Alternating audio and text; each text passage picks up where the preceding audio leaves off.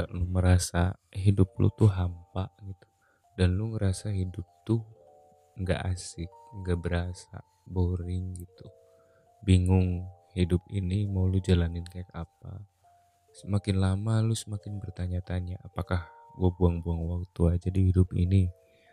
Mark Twain seorang penulis dari US pernah berkata bahwa dua hari yang paling penting dalam hidup lu adalah hari di mana lu lahir dan hari di mana lu mati.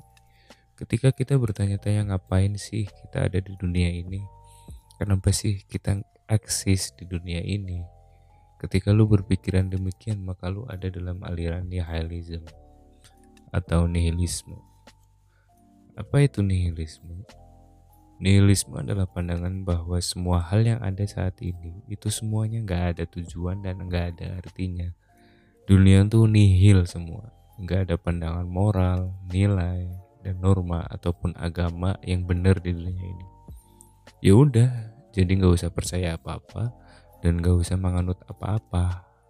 Nihilisme menurut gue pribadi adalah suatu masa yang akan lu alamin minimal sekali dalam seumur hidup lu. Di mana ketika lu berpikir ya nanti juga mati dan hidup di dunia ini nggak ada yang penting lagi dan gue sebenarnya setuju akan hal ini. Hidup itu kadang membingungkan, dinamis, random, dan gak bisa dijelaskan. Mungkin dari semua yang kita alamin selama ini sekedar hoki aja gitu. Hoki karena dari jutaan sel yang ada di semesta ini kita eksis. Dan kita kebetulan punya otak yang lebih dari spesies lain di alam semesta ini. Tapi ada nggak sih yang bikin kita nggak beda sama spesies lain? Ya, ada hal yang sama dengan spesies lain bahwa kita semua akan mati. Dan ketika kita mati, semua hal menjadi tidak penting lagi. Masalah di kantor, dimarahin bos, atau dimarahin dosen, masalah temen, diputusin pacar, atau pencapaian lu dapat penghargaan, uang, menang lomba, atau sebagainya. Semua nggak akan berarti di atas kematian. Seorang filsuf Jerman, Friedrich Nietzsche, mengembangkan kerangka berpikir eksistensi manusia dengan paham nihilisme di tahun 1800-an sebagai dasar berbagai pertanyaan di awal episode ini. Dia mempertanyakan bahwa kalau ternyata kehidupan kita sebenarnya tidak sesuai dengan apa yang diajarkan oleh agama atau budaya yang dikenal sejak lahir, Bagaimana kalau ternyata kita bisa menentukan moralitas kita tanpa harus berdasar pada ajaran-ajaran eksternal di luar diri kita? Mendengar ini, nihilisme sering kali dianggap bertentangan dengan prinsip sosial pada umumnya. Banyak orang berpikir kalau memang eksistensi kita tidak ada artinya. Kita bebas berbuat apa saja sesuka hati. Padahal nyatanya nggak kayak gitu.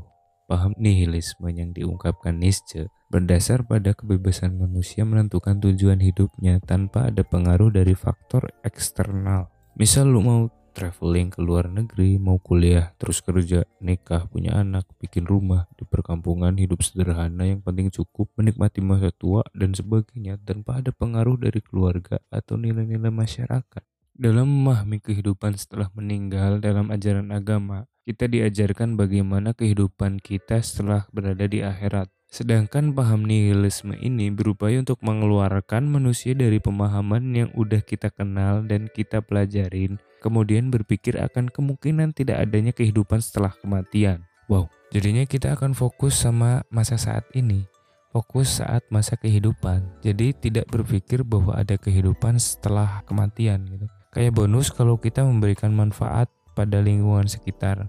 Jadinya tujuan hidup kita bukan terfokus pada keinginan berbuat baik agar dapat masuk surga, tapi keinginan berbuat baik karena itu membuat kita bahagia. Dan akhirnya kita bisa memanfaatkan apa yang ada hari ini dan bersyukur akan kehadiran kita yang kemungkinannya sangat kecil. Nihilisme ini sebenarnya paham yang cukup berbahaya jika dipertahankan sebagai cara berpikir tanpa melanjutkan ke level yang lebih tinggi. Nihilisme membongkar ulang semua nilai-nilai yang kita miliki, mencari sumbernya, dan melakukan proses rasionalisasi kalau sebenarnya tidak ada nilai intrinsik di balik nilai-nilai yang kita pegang. Bahkan Nietzsche mengatakan kalau nihilisme nggak boleh dijadiin paham akhir dari masyarakat. Dengan nerapi nihilisme, manusia akan terbebas dari doktrin-doktrin lama Nietzsche akan tetap berpendapat bahwa manusia nggak akan bisa bertahan kalau nggak ada moralitas. Dia hanya berpendapat bahwa sumber dari mana kita menarik moralitas kita lah yang salah. Tanpa ada moral baru yang menggantikan moral lama yang udah dihilangkan lewat nihilisme, peradaban manusia pasti akan hancur. Jadi nihilisme adalah sarana bukan tujuan akhir. Jadi bukan tujuan akhir kita itu nihilisme bukan, tapi sebuah sarana atau jalan bagi manusia saat ini untuk menjadi manusia baru dengan nilai-nilai baru di masa depan. Jika nihilisme ini diterapkan oleh orang-orang ekstremis, atau di setiap negara menerapkan nihilisme, maka makna atau nilai yang ada berkembang di masyarakat tidak akan berarti. Bahkan kehidupan ini tidak akan berarti apa-apa. Satu kali kehidupan yang kita punya dan jika semua ini tidak berarti atau nihil, maka tugas kita adalah membuat arti, membuat arti dari kehidupan ini. Misalnya lakuin hal-hal yang lu sukai dan gak pernah nyerah hanya waktu ini yang kita punya. Ilangin semua keraguan dan ketakutan lu karena hanya punya hidup sekali nih. Lu punya hidup sekali, makanya ilangin semua keraguan dan ketakutan lu. Berusaha membuat dampak yang baik selama lu hidup gitu. Karena hidup terlalu singkat, gunakanlah cangkir yang indah. Tapi sebenarnya ada hal positif dari nihilisme ini. Semua masalah yang lu alamin jadi nggak penting. Semua hal yang mungkin bisa membuat lu malu, marah, sedih, senang, semua hal itu jadi nggak penting. Dan ketika masalah itu semua nggak penting, harusnya kita jadi bisa melakukan apa pun yang kita mau. Harusnya ya.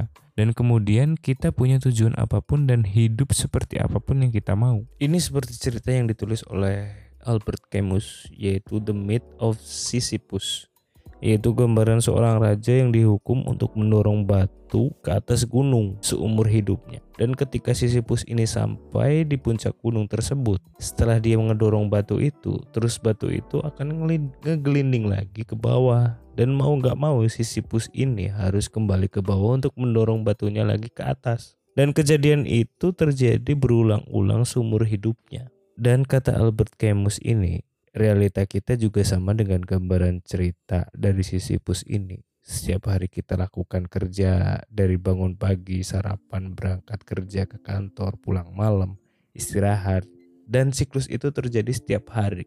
Misalkan lagi Senin kita lemes ya, males dan lain sebagainya. Selasa mulai senang, Rabu mulai ya main lah dan lain sebagainya. Kamis kita mulai reda stres lagi Jumat mulai senang lagi. Ya seperti itulah. Ya sama halnya kayak cerita Sisyphus ini. Dia juga ngerasa kalau hidupnya penuh tekanan kan? Pas lagi ngedorong batu itu. Lalu ketika dia di puncak maka dia ngerasa senang dan puas. Tapi kemudian hidup Sisyphus ini akan terus penuh tekanan lagi ketika dia harus kembali ke bawah untuk mendorong batu itu terus menerus layaknya siklus yang terus berputar setiap hari Itulah nihilisme yang dikemukakan oleh Albert Camus. Dan kalau menurut Camus, kita harusnya jangan nyerah untuk mendorong batu itu. Meskipun kita harus terus-menerus kembali mendorong batu itu lagi dan lagi. Justru kita harus menerima kenyataan kalau hidup itu nggak ada artinya dan selanjutnya move on gitu. Dorong terus batunya emang siklusnya emang seperti itu gitu. Kita nggak bisa ngelak-ngelak gitu aja. Gitu. Karena kalau kita enggak berusaha untuk mendorong batunya dan kalau kita enggak menjalani kehidupan ini dengan baik, ya kita enggak bakal bisa happy. Kita enggak bakal ngerasain happy dan tekanan lagi seumur hidup kita. Dan hanya dengan menerima dan move on lah kita bisa punya meaning atau arti dalam hidup kita. Jadi udah nggak ada alasan lagi buat kita untuk depresi akan arti hidup. Kalau hidup ada artinya ya bagus. Tapi kalau hidup nggak ada artinya ya udah gitu toh semua orang bakal mati. Toh kita bisa enjoy dengan hidup kita selama kita masih punya kemampuan untuk hidup. Dan gue akan mengutip kata-kata dari Albert Camus yang gue kira bagus gitu. Gini kalau kita nggak percaya sama apa pun, kalau semua hal nggak bermakna, dan kalau kita nggak terikat sama dogma apa pun, ya semua harusnya jadi possible untuk dilakukan. Dan enggak ada alasan untuk lu melakukan hal yang sebenarnya berarti buat pribadi lu gitu lu bisa menemukan dan membuat arti dalam hidup lu karena ya semua dalam hidup ini enggak ada artinya dan hanya diri kita sendirilah yang bisa menemukan artinya Memang aliran nihilisme ini sangat bertentangan sekali dengan agama karena dalam nihilisme kita memandang dunia ini nggak ada artinya. Kita nggak harus percaya apa pun, mengikuti apa pun karena kembali lagi hidup ini nggak ada artinya. Seperti yang dibilang tadi oleh Nietzsche, kalau nihilisme ini nggak pas dan nggak cocok untuk dijadikan akhir dari masyarakat atau tujuan dari masyarakat itu tersendiri gitu. Apalagi kita berada di negara Indonesia yang terdapat berbagai nilai dan budaya serta norma-norma yang berlaku. Jadi dapat gue simpulkan bahwa nihilisme ini baiknya kita gunakan dalam menghadapi masalah yang kita temui di rumah, di tempat kerja, lingkungan, dan lain sebagainya. Karena dengan nihilisme ini kita akan mengurangi rasa cemas dan depresi. Banyak anak muda yang depresi karena masalah pribadinya entah itu dengan teman sebayanya atau lingkungannya atau sekolahnya atau dengan keluarganya. Dengan kita menganggap bahwa masalah ini nggak ada artinya sama sekali, kita akan lebih mudah untuk memecahkan solusinya. Bahkan kita akan menjadi masa bodoh dengan hal yang nggak perlu dijadiin masalah. Tapi tentu nihilisme ini akan sangat berbahaya tanpa adanya penyeimbang misal dengan ajaran-ajaran agama karena menurut gua ajaran agama memiliki peran penting dalam pembentukan sifat dan sikap kita selama ada di dunia yang gak ada artinya ini. Well, jadi gimana menurut kalian nih soal nihilisme ini atau pandangan hidup nihilism? Ya mungkin sekian podcast malam suntuk pada malam ini monolog singkat dari gue semoga dapat menjadi pemahaman baru dalam hasanah keilmuan kita semua. Bukan gue sok pinter atau menggurui, sekedar share hal-hal yang gue rasa menarik untuk kalian tahu. Jadi tetap semangat dan jalani hidup ini apa adanya. Jangan terlalu muluk-muluk. Thanks semuanya, bye.